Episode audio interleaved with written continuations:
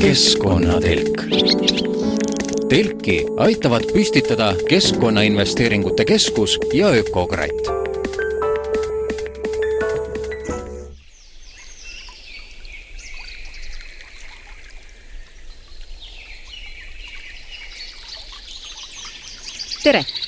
keskkonnatelk ongi püsti, mina olen saatejuht Kadri Valner. Ja täna on selle suve viimane saade, võib-olla ka selle hooaja ja mine tea, võib-olla et päris kõige viimane Keskkonnatelk, eks aeg näitab.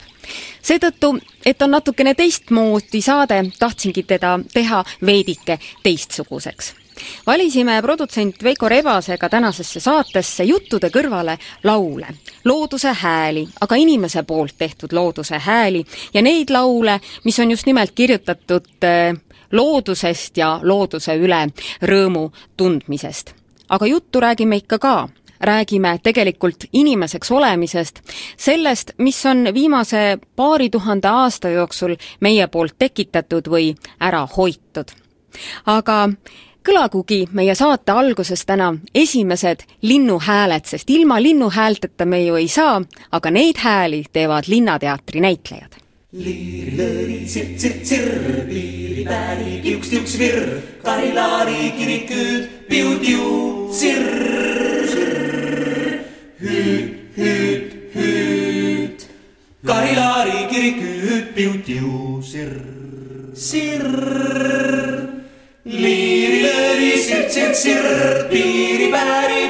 piuks-tiuks-virr, karilaari, kiriküüd, piu-tiu,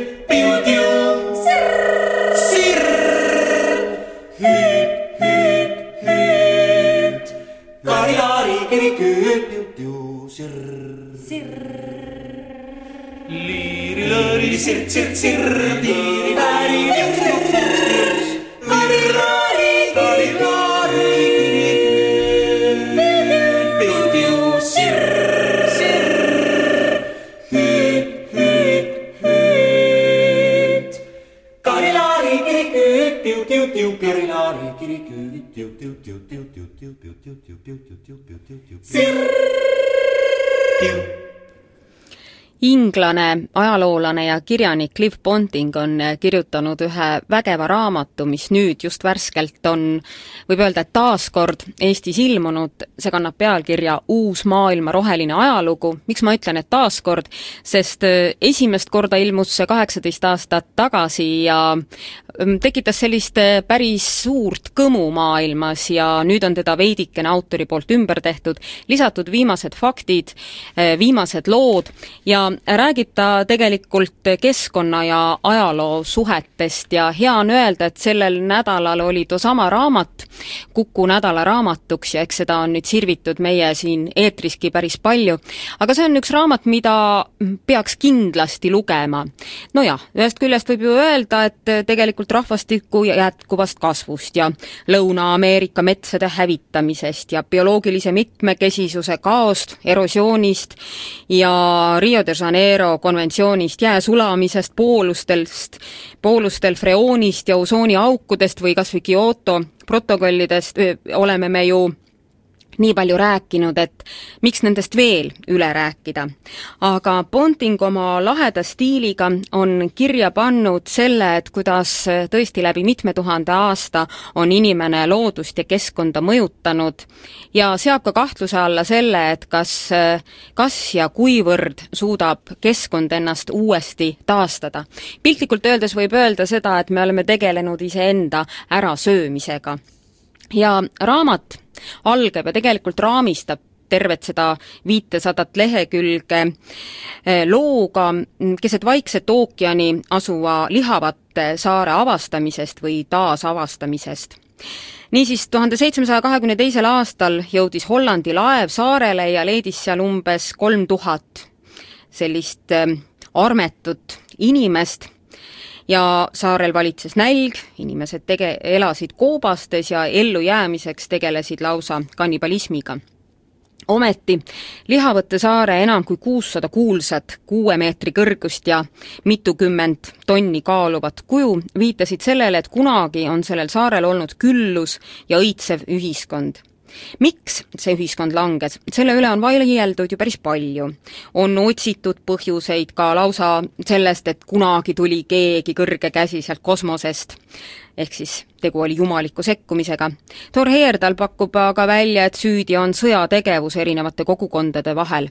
Ponting aga selgitab seda kõrgelt alla kukkumist ehk siis ühiskonna langust sellega, et süüdi või siis põhjuseks on needsamad suured kujud esimesed inimesed jõudsid saarele viiendal sajandil ja ilmselt olid need polüneeslased ja saarel olid viljakas muld, aga veevarustus kehv. inimesi tuli ilmselt saarele umbes kolmkümmend ja tasapisi sündis neid juurde ja hakati elama nii-öelda küladena või väikeste kogukondade, kogukondadena. külade keskele oli vaja ka kultuse kohti, neid samu hiigelkujusid, neid sai aga raiuda vaid ühes saarel asuvas Rano Rarakura kivimurrus. ja see, kuidas Lihavõtte saare elanikud probleemi lahendasid, määraski kogu nende ühiskonna järgneva saatuse. et neil puudusid igasugused veoloomad, pidid nad raidkujude vedamisel lootma inim-, inimjõule ning kasutama püü-, puutüvedest rullikuid. ja nõnda siis raiuti piltlikult öeldes või tegelikult raiutigi saarel maha mets hävingu põhjuseks ja Lihavõtte saare mõistatuse võtmeks ongi ulatuslik keskkonna halvenemine, mille tõigi kaasa too sar-, sama metsade maharaiumine. et see ra-, lugu on raamatu esimene peatükk, siis äh, tegelikult korratakse sedasama lugu raamatus erineval moel mitmelgi korral ja just nimelt öeldakse, et inimene kas ülekantud või otseses tähenduses sööb ennast ise ära Indrek Rohtmets, bioloog ja ka ajakirjanik, on mõlema raamatu, nii siis Maailma roheline ajalugu, mis Eestis ilmus kahe tuhande teisel aastal, kui ka nüüd, ehk siis uue maailma rohelise ajaloo eh, toimetaja ja temaga nüüd sellest raamatust räägimegi. tegelikult on Clive Ponting võtnud endale sellise tohutu suure ülesande kirjeldada kogu tsivilisatsiooni arengut ja loomulikult mitte nüüd eh, viimase detailini, aga nii-öelda oma võtmes, et kuidas tegelikult veidi ka isegi süngemapoolses võtmes, et kuidas tsivilisatsioon on tegelikult oma elukeskkonda hävitanud mm. -hmm. ja ta teeb seda väga põhjalikult ja süste-, süsteemikindlalt, see Clive Ponting. noh, ta kasutab küll tegelikult väga niimoodi soliidset äh, lisamaterjali või kirjandust, mille põhjal on ta selle kokku kirjutanud. Ja lisanud sinna siis oma, oma mõtted ja suhtumised, nii et loomulikult see ei ole mingisugune teaduslik uurimus, see on esseistlik ja, ja et ta, mida loetavam ta on, seda paremini ta toimib. Mm. -hmm et see raamat on kindlasti oma ülesande täitnud autori jaoks, kuna tegemist on juba teise täiendatud trükiga, no see näitab, et seda raamatut on ostetud kogu maailmas ja, ja ostetakse ka meil. see uus ra raamat nüüd võrreldes selle eelmise ehk siis maailma rohelise ajalooga on siis täienenud nende värskemate andmetega, et nagu ta isegi siin raamatu alguses ütleb, et palju asju on muutunud, et yeah. plusspoole peal on, on äh, see, et võitlus oso osoonikihi eest nii-öelda käib ja miinuspoole pealt see, et viieteistkümne aastaga on rahvastiku arv miljardi võrra kasvanud, et eks ta tegelikult kordab ilmselt paljudes asjades üle need, mida varemgi on räägitud ja, ja ma ei tea, minu jaoks natuke populistlikult ka Al Gore oma filmis, eks ju, maha, maha mm. hõikas ja ütles maailma soojenemisest, aga kõik need kokku pannes selliste lihtsate näidetega, et et raamat algab ju sellisest, sellest Lihavate saare näitest, et mille... see on tema üks lemmik, lemmikargumente ja lemmikteemasid et nii puhtalt ja nii selgelt on üks rahvas ära hävitanud alguses oma keskkonna ja siis siis ka ise olnud sunnitud nii-öelda välja surema ja, hääbuma. et praktiliselt nii otseses kui kaudses mõttes üks rahvas sööb ennast ära, eks ole. kuigi sellel teoorial tõsi on ka vastaseid, kes äh, arvavad, et või mingisugune ootamatu sündmus võis olla põhjuseks, aga Clive Pontingu teooria tundub olevat igati arukas ja loogiline. Teile tundub, et võib-olla no mina lepiks selle teooriaga küll seal ju lisandub veel äh, religioon, mis on suhteliselt õrn teema, et ega väga palju ei taheta arutada, kui palju religioon on, on osalenud ühel või teisel viisil keskkonna kahjustamisel ja hävitamisel mm. -hmm. et lihavad saarlased oma puuslike ehitamisega millel ei olnud ju otsest seost äh, nende igapäevaeluga, see oli pigem rituaalne tegevus, äh, ju hävitasidki ära oma keskkonna mm. -hmm. jah, et siin on selline hea ja lihtne näide, et selleks, et neid puuslikke ühest kohast teise viia, raiuti maha metsad. ja siis selgus, et enam ei olegi, mida hingata, mida süüa ja, ja nii edasi ega ei saa just öelda, et äh, Clive Ponting oleks nüüd äh, suur ja sügav ristiinimene, ta kahtleb kahtleb ja kõhkleb väga paljudes inimkonna toimingutes mm, -hmm. millele, eriti just nendes, millele on raske mõistuspärast seletust leida kas ma selle raamatu järgi teen nagu õige kokkuvõtte, et kui põhiline, põhiline ütleme ajalooliselt inimestesse selline sisse süstitud keskkonna hävitamine tuleb sellest, et inimesed muutusid paikseks, hakkasid tegelema põllumajandusega ja et meid on nii palju. see, see arutluskäik on, on kahtlemata ülimalt loogiline, et, et küttide korilaste rühmad ei oleks suutnud eales ära äh, kurnata keskkonda, kuigi kuigi leidub ka vastupidiseid näiteid, et äh, et Ameerika indiaanlased, keda on peetud ülimalt keskkonnasõbralikuks mm, -hmm. õigupoolest nende indiaanlaste esiisad ju hävitasid ära äh, kogu Põhja-Ameerika hiigelfauna. Äh, järgi jäid ainult piisonid, seal elasid ju kunagi ninasarvikud, lõvid, noh nüüd elevantide eellased, sellised kihvakandjad, suured. kõik need loomad notiti maha ja nad kadusid eh, ennem ajaloolise aja algust nii et, eh, et ka eh, kütid, korilased tulevad toime avamaastiku suurte loomade hävitamisega. no seda on ka Ponting kirjutab, et, eh, et Türgi inimene sisuliselt hävitas ära selle nii, nii niinimetatud megafauna mm, -hmm. kes asustas ka Euroopat pärast jääaega mm. -hmm ja järgmine laine ilmselt või üks nendest lainetest tuli hiljem, kui ka need piisonid, eks ju, ära koristati. no piisonid, seal oli juba Buffalo Bill asjal ja tema tema, see oli küll jah, julm nottimine oli täiesti arutu et neid näiteid on ja, valdavad on näited ikkagi sellest, kuidas äh, just äh, nii-öelda see tsiviliseeritud ja valgustatud äh, õilis inimene on, on tegelikult käitunud sügavalt arutult, mida võimsamad vahendid tal on, seda hullemini on neid kasutatud. selleks, et saada väikest kasu, hävitatakse ära valimatult kõik kõik, mis on selle kasu saamisel takistuseks. tegelikult see vajadus ära toita üha rohkem suid on tegelikult äh, selliseks tõeliseks nuhtluseks ka tänapäeva maailmas. meie, kes elame siin nüüd sõna otseses mõttes keset küllust, ei kujuta ette, mis toimub arengumaades.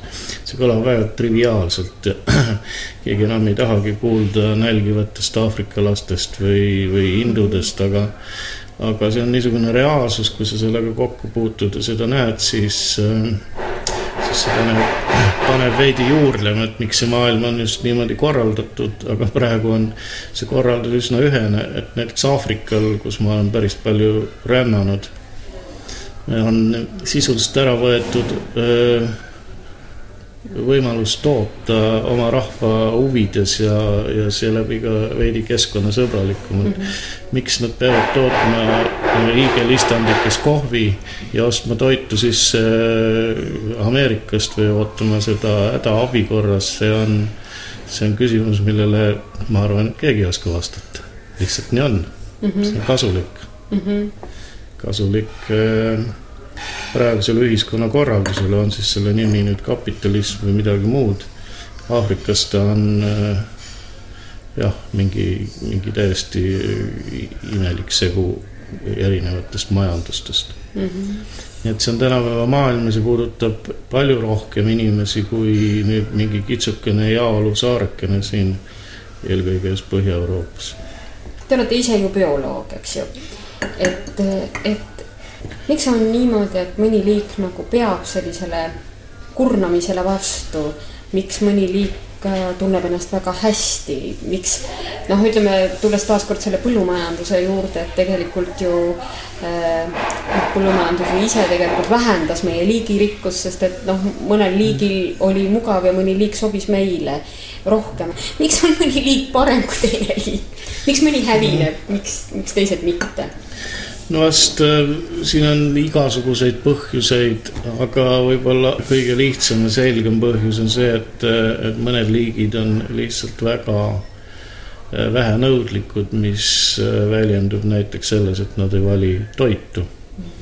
võtame me, meie toreda halli sõbra Roti, kes tuleb toime igal pool, kus praktiliselt kõik teised närilised sureksid ära, kas nälga või, või lihtsalt äh, haigustesse, aga rott on piisavalt vastupidav. Äh, teiseks, sellised liigid on väga võimsad paljunejad mm, -hmm. teatud mõttes nagu inimenegi. et, äh, et nad toodavad nii palju piisaval hulgal järglasi ja, ja nende geneetiline materjal pakub võimalust muutlikkusele, et kogu aeg tulevad puht tarvinismi järgi nagu ümbrusele sobivamad vormid. aga selliseid liike ei ole palju ja neid ei saagi olla palju. et äh, hävivad just, äh, just need, kelle nõudlused on väga kitsad, kes äh, on kohastunud mingi väga teatud kindla toiduga või teatud elupaigaga või teatud ilmastikuga, nende jaoks ei ole varianti, neid ootab surm, kui midagi muutub niisuguse laia ampluaaga liigid kohanevad uutes oludes. ja no muidugi tänapäeva maailmas on veel see asi, et et ega ju me täpselt ei tea, mis, mis hakkab juhtuma edaspidi, kuna ütleme, millal suured maadeavastused algasid, võib-olla kapten Cooki aegadest -hmm. kõige see on vahet paarsada aastat ja on, on toodud taimi ja loomi, on veetud üle planeedi igale poole ja kui me täna kardame geneetiliselt muundatud äh, taimede tulekut, siis äh, ütleme, et, et reaalset kahju on, on võõrliigid tekitanud, äh, noh, ma arvan siiski, et tekitanud ja tekitavad tunduvalt suuremal määral kui, kui laboritest tulnud vormid. ja, ja see, see hävitab nii-öelda seda kohalikku loodust, see on jälle sellel on üks ja ainus nimetaja, see on inimese kasuahnus mm. -hmm. ja seda, seda inimloomuse külge ma küll kardan, et ei ole võimalik millegiga ära lihvida, isegi, isegi geneetilise muundamisega mitte vist. või teine asi, selle asja taga on laiskus, et, et selleks, et mugavamini ära, ära elada, tehakse tööd või mõeldakse midagi muud välja, eks ole jah, kindlasti on laiskus üks äh, edasiviiv edasi jõud jah, et äh, tõepoolest näiteks jälle Aafrikas äh, just aasta tagasi sõitsin Rwandas ringi, kus see on poole Eesti suurune seal elab üheksa miljonit inimest, võib-olla rohkemgi. et järjekordne katastroof on tegelikult õhus, hõimutülid on ainult ettekääne, tegelik põhjus on üleasustus. et eh, seal olid isegi, isegi suhteliselt kõrged mäed, kuni kahe poole kilomeetrini üles haritud, iga viimane kui jala täis maad ja, ja ja tohutu palju oli lapsi, sellepärast et lapsed on ju põhiline tööjõud mm. -hmm. no meie siin äh, noh, nagu ei ela, ei ela laste tööjõu peal, siis pole neid lapsi ka nii-öelda mhm. majanduslikus mõttes, majanduslikus mõttes perele vaja, nii nagu vanasti oli, et et äh, kuidas need majandussüsteemid parasjagu kuskil riigis või piirkonnas on, see kajastub siis väga selgelt ka suhtumises keskkonda ja nõuda aafriklastelt äh, keskkonnakaitset on üpris üpris keeruline, sellepärast et äh, näiteks üheks salakaubandusobjektiks on juba muutunud puusüsi, kuna paljudes riikides on elektrienergia kättesaadav kuskil viiele protsendile elanikkonnast mm, -hmm. siis toitu valmistatakse noh, nagu meil grillsöe peal põhiliselt mm. -hmm.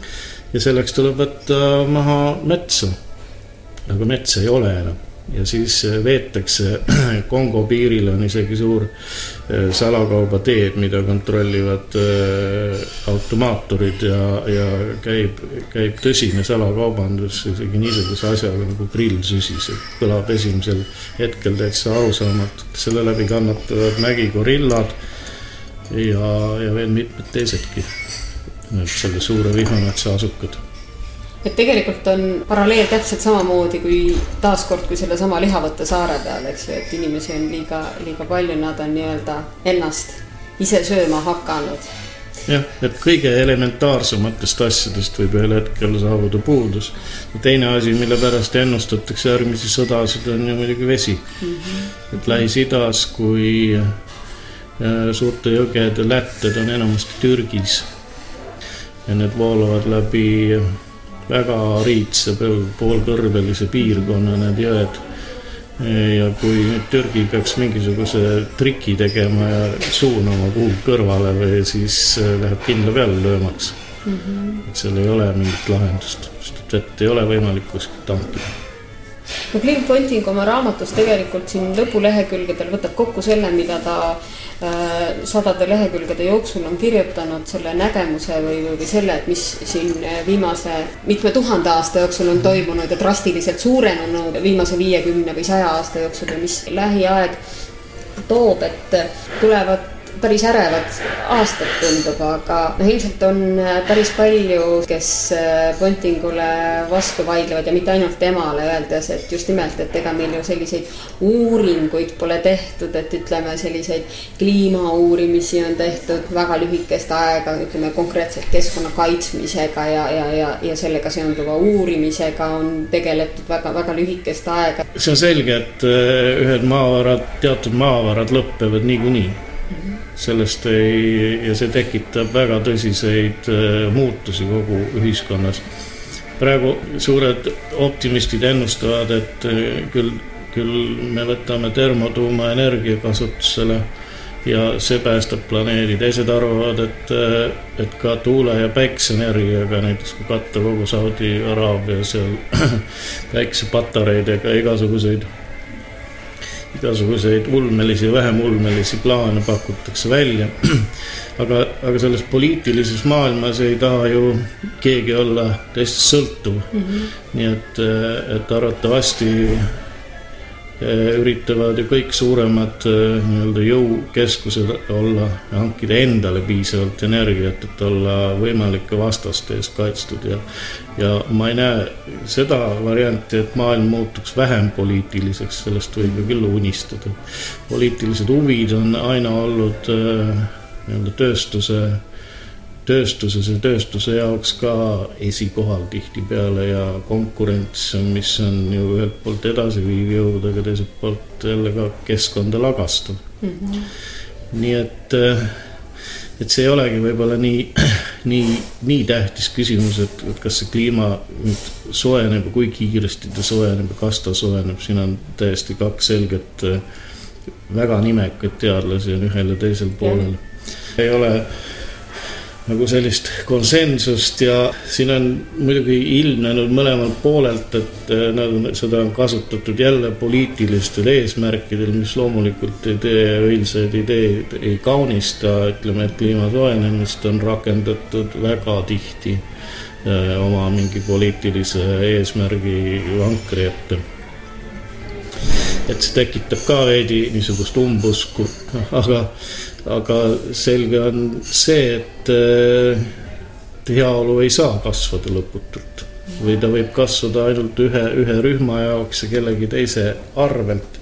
aga heaolu niimoodi tasalülitamine või ümberjagamine nõuab enamasti vaata et sõjalist sekkumist noh, kõik need suured globaalsed organisatsioonid tegelevad päevast päeva sellega, et äh, ära hoida konflikte, mida, mida on siin ja seal jälle, jälle näha õhus ja ja vaated on nii erinevad, minu arust see on kõige suurem, see kõige suurem probleem tsivilisatsiooni jaoks. sest et tehnoloogilisi lahendusi tõenäoliselt leitakse ja neid äh, neid on inimene võimeline looma ja edasi arendama, aga kuidas neid kasutatakse, mil viisil seal selles peitub minu arust kõige suurem oht. jah, et, et kas minnakse koostööle või öeldakse, et kes kellele ära teeb, eks ju, ka ja. nii mm. -hmm. et näiteks, näiteks äh, termotuuma äh, elektrijaamad tehnoloogiliselt võivad olla kättesaadavad, ma ei tea mm -hmm., kahe, kolme, nelja, viiekümne aasta pärast aga kas need lahendavad eh, nii-öelda kogu inimkonna probleemi, seda me ei tea, nii nagu nii nagu näiteks on eh, arstiabi või ravimid kättesaadavad eh, või head ravimid kättesaadavad ainult ühisele osale inimkonnast.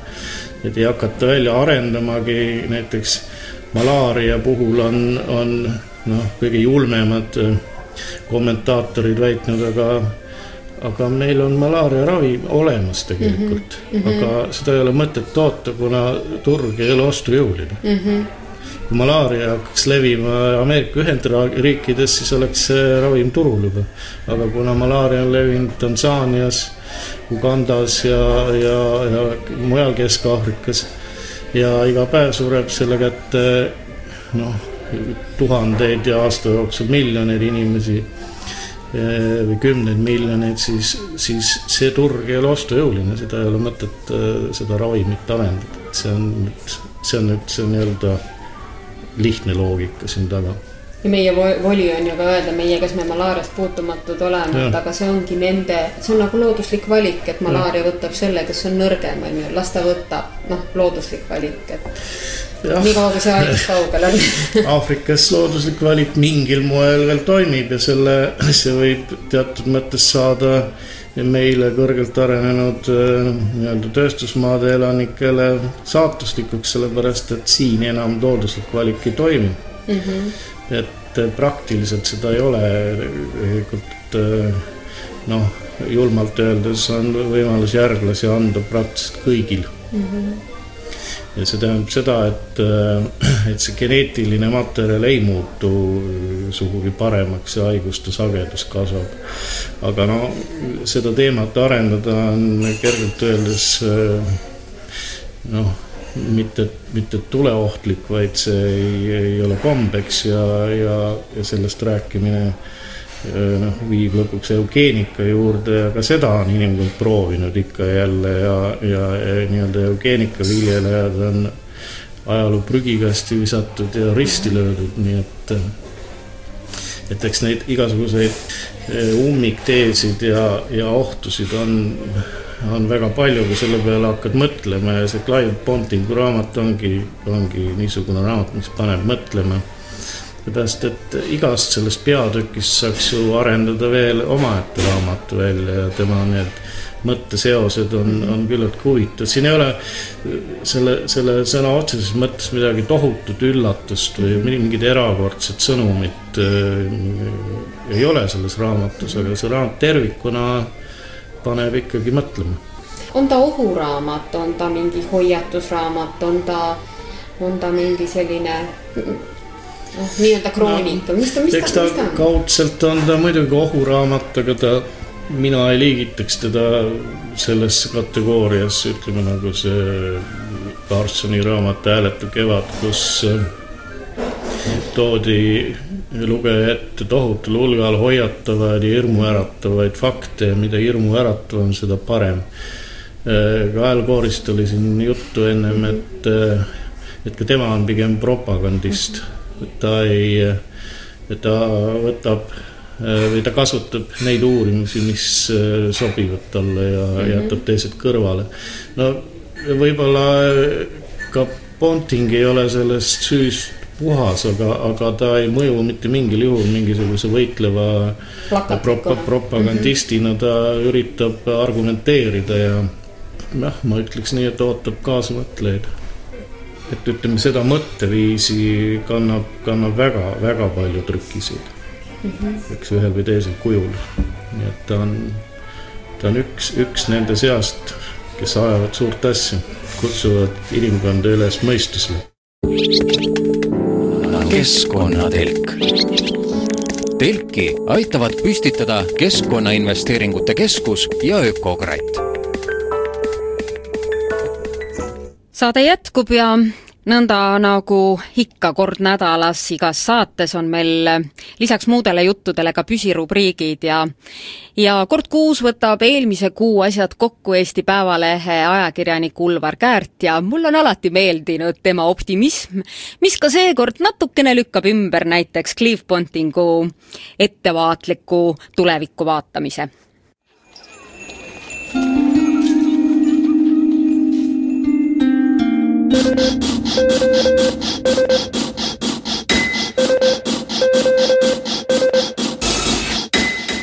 keskkonnatõlk. august ongi selja taga ning ühes sellega on alguse saanud lindude sügisränne. rände esimene laine, mille käigus loendasid linnuvaatlejad Läänemaal Põõsaspea neemel üle poole miljoni lõunasse suunduva tiivulise, on õigupoolest juba läbi ning tuure on kogumas teine, veelgi võimsam rändevaatus kuid see pole ainus märk, mis kõneleb sellest, et sügis trügib juba vägisi uksest ja aknast sisse. õhtuti kisub varakult pimedaks, ritsikad siristavad kõrvulukustavalt, pihlakad on punetama hakanud ning õunugi potsatab puu otsast alla, rääkimata rohu koltumisest ja seentest. öösel aga pakuvad sügavpimedaks muutunud taevas vaatamislusti langevad tähed ehk siis praegu on viimane aeg hääletada end jäätise limpsimise meeleolust ümber ning mõelda, kuidas algavale töö ja koolihooajale vastu minna. August tõi minu kui Ida-Virust pärit mehele rõõmusõnumi. järjekordse sõnumi, mis puudutab selle kandi looduse taastumist nõukogudeaegse põlevkivitööstuse reostuspainest. mullu näiteks tuli välja, et kunagi masuudi järgi haisenud Purtse jõe vesi oli niivõrd puhtaks muutunud, et Keskkonnaministeerium keelas selle suudmealal taastuva lõheasurkonna kaitseks lõhepüügi. nüüd aga näitavad viimased kolm aastat kestnud ulatusliku uuringu tulemused, et vahepeal lubjarikka põlevkivi lendtuha saaste tõttu hävingu äärele sattunud sood on hakanud tasapisi uuele elule ärkama. Tartu Ülikooli teadlased võtsid katsealadena luubi alla seitse rabaala Agusalu ja Puhatu soostikus, mis jäid kõik põlevkivielektrijaamade korstnate mõjualasse samal ajal võeti Kagu-Eesti puhtamast keskkonnast nende kõrvale võrdluseks Meenikunno raba. nii uuriti aastate jooksul, kuidas kindlatel aladel muutus rabataimestik, rabavee happesus ja turbasammalde tolmusus. ja mis siis täpsemalt välja tuli? välja tuli see, et kuna õhusaaste oli võrreldes nõukaaja seitsmekümnendate ja kaheksakümnendatega kukkunud ligi paarkümmend korda, hakkasid rabades toimuma positiivsed muutused kui algselt kardeti, et põlevkivi lendtuha poolt aluseliseks muutunud rabad on hukule määratud, siis uuringu andmed õnneks seda ei kinnitanud. looduslikud rabad on teatavasti tundlikud ökosüsteemid, mille vee happesuse näitaja ehk pH küündib kolme-nelja ühikuni. samas mõnedes vaatluse all olnud rabaosades oli see näitaja vahepeal kerkinud ligi seitsmeni. tänu sellele hakkasid taanduma rabadele omased turbasamblad turbakihti kasvatavad taimed, mis teevad ühest rabast tõelise raba. Nende asemel aga hakkasid oma kasvukohti laiendama rabadele mitteomased taimed, mida muidu leiab hoopis mineraalsetel muldadel kasvamas. ehk siis muidu suhteliselt taimeliigivaesed rabasid tabas ootamatu liigirikkus. kõige drastilisemad muutused olid toimunud just elektrijaamade korstnatele kõige lähemale jäänud aladel nii näiteks kadusid Ahtme elektrijaamast vaid loetud kilomeetrite kaugusele jäävatest Liivjärve ja Niinsaare rabast turbasamblad sootuks ning vohama hakkasid hoopis põdrakanep ja pajud. samuti oli lendtuhk Virumaa rabades kasvama pannud lubjalembesed käpalised, mida muidu leiab hoopis Lääne-Eesti vahepealsetest rabadest. nüüd tuli välja, et lubjarikka õhusaaste vähenedes hakkas rabavesi happelisemaks muutuma ning ühes sellega hakkasid kosuma ka turbasamblad ning taanduma vahepeal kanda kinnitanud rabadele ebatüüpilised taimed. näiteks Liivjärve rabavee happesuse näitaja on tervelt ühe ühiku võrra langenud. nii on tänaseks sellesse rabasse taas esimesed turbasambla ilmunud, mis aina oma kasvupindala laiendavad. samuti tegid teadlased kindlaks, et turbasamblad pole enam niivõrd tolmused kui varasematel aastakümnetel. Looduse taastumisvõime lagastamisest on mind alati hämmastanud, nii ka seekord oma kodumaakonna rabade puhul. ehk siis taas on kinnitus leidnud tõsiasi, et loodus on inimtegevuse suhtes äärmiselt tundlik kuid samas valmis taastuma mõjutustest niipea, kui selleks võimalus tekib. ja muidugi leidis minu arvates kinnitust ka see, et looduse vastu ei saa me kohe mitte kuidagi. head kuulajad, soovin teile päikest ja kuulmiseni järgmisel korral!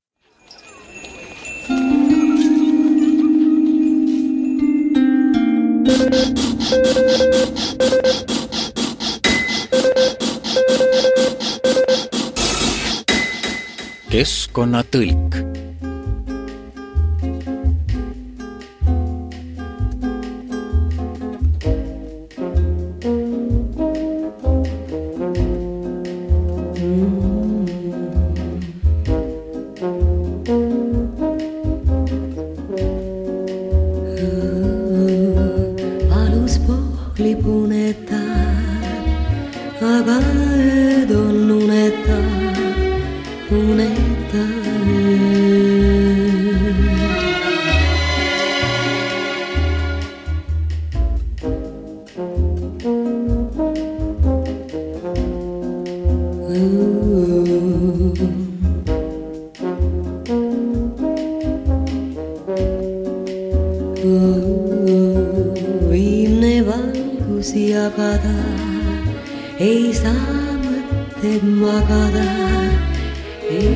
的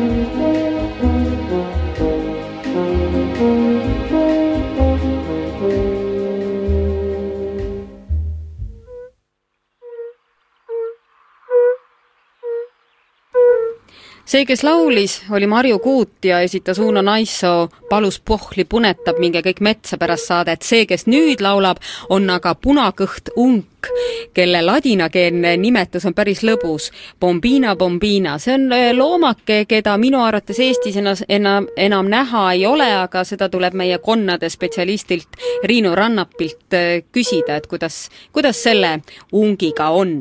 nüüd aga keerame peaaegu et sada kaheksakümmend kraadi eelmisele loole. laulma hakkab ansambel Lilleke, millest mina küll kuni tänaseni mitte midagi ei teadnud.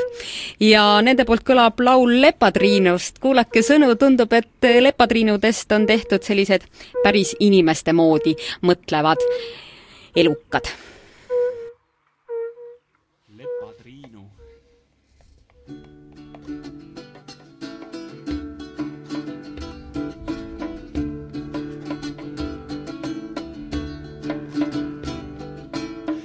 kord lepadrinu piisike, elas kord lepadrinu piisike. polnud tal kiiret seal metsa sees, polnud tal kiiret seal metsa sees. vesiroosi peal ta palvetas,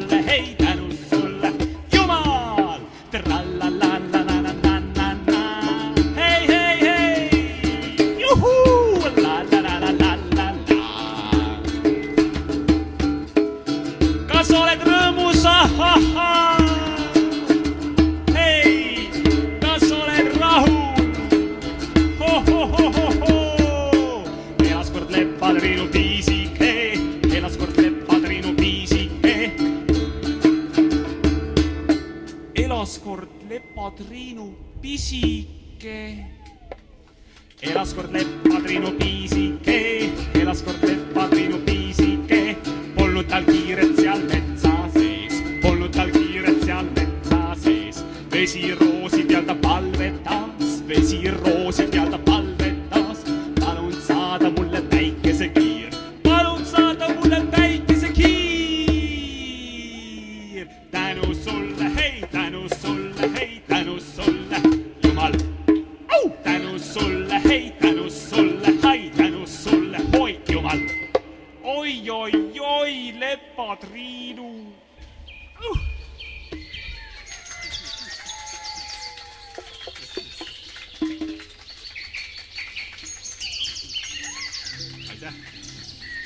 istusin oma lapsega meie koduõuel ja joonistasime üks päev ja vaatasime, kui palju erinevaid rohelisi värvi ka keset suve on meie koduõuel.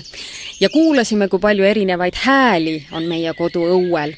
meil lähedal on soo ja sealt kostis päris naljakaid hääli.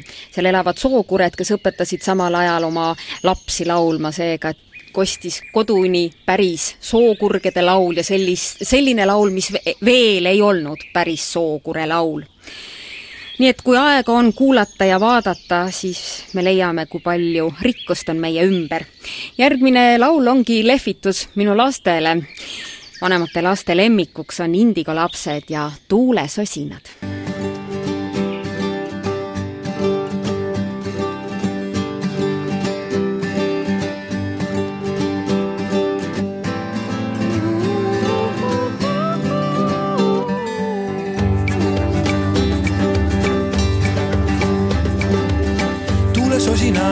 tuulesosinad, päikserosinad, suvetuuled ja šokolaadist huuled, pai tegemise masinad, suured ja väikesed ja väikesed ja suured.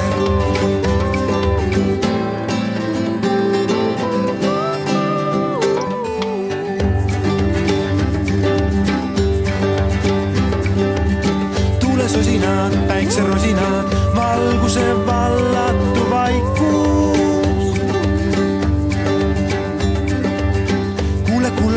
kullake, tule talleke, merelt maa pääle kaikus. liiga väsinud inimmasinad langevad jõuetult vette. see, kes veele jääb, see, kes teele jääb, peegeldab soojust me ette väike valgeke alla su taldade, kaugusega vaatun majas. müüge maha mind, ma ei taha mind, merelt maa pääle kajas. muremlikud pisarasamblikud sibavad üle su pihu kui liiga maised on mõtlikud mõtted, posso ir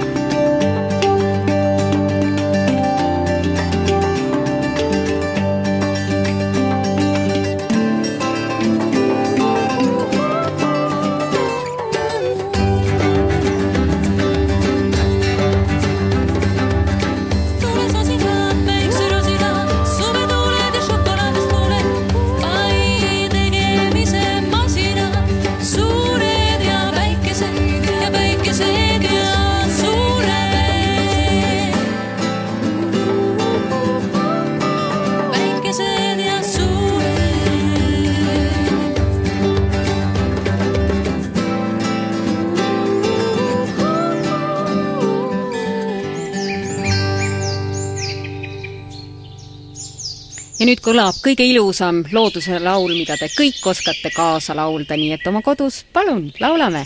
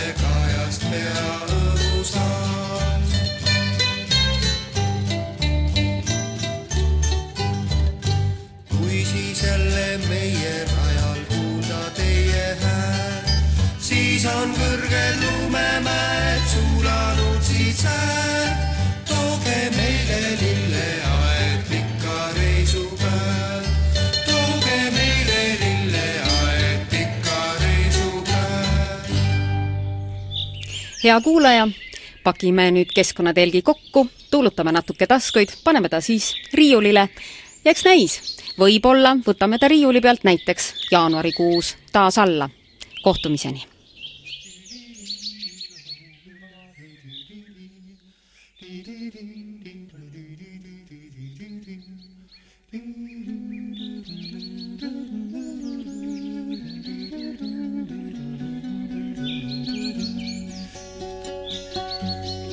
Mu süda ärka üles ja kiida loojat lauldes, kes kõik head meile annab ja muret ikka kannab. kui magama heitsin, pea isa sülle peitsin, mind saatan tahtis neelda, keelda. jää rahul ütlesid sina, mu laps sind kaitsen mina. ta ei saa kahju teha, sa saad veel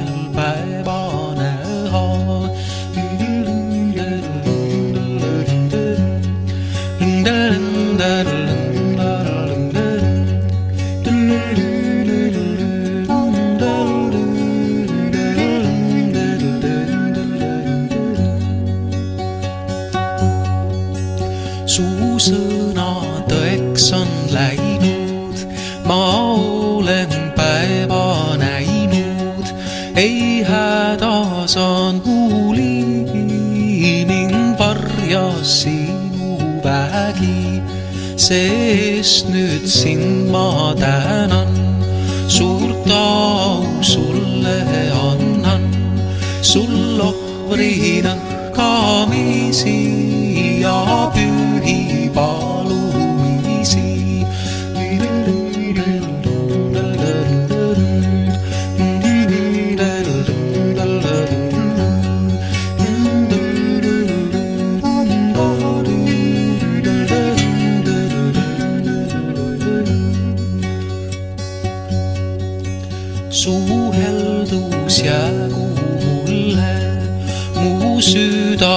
templiks sulle.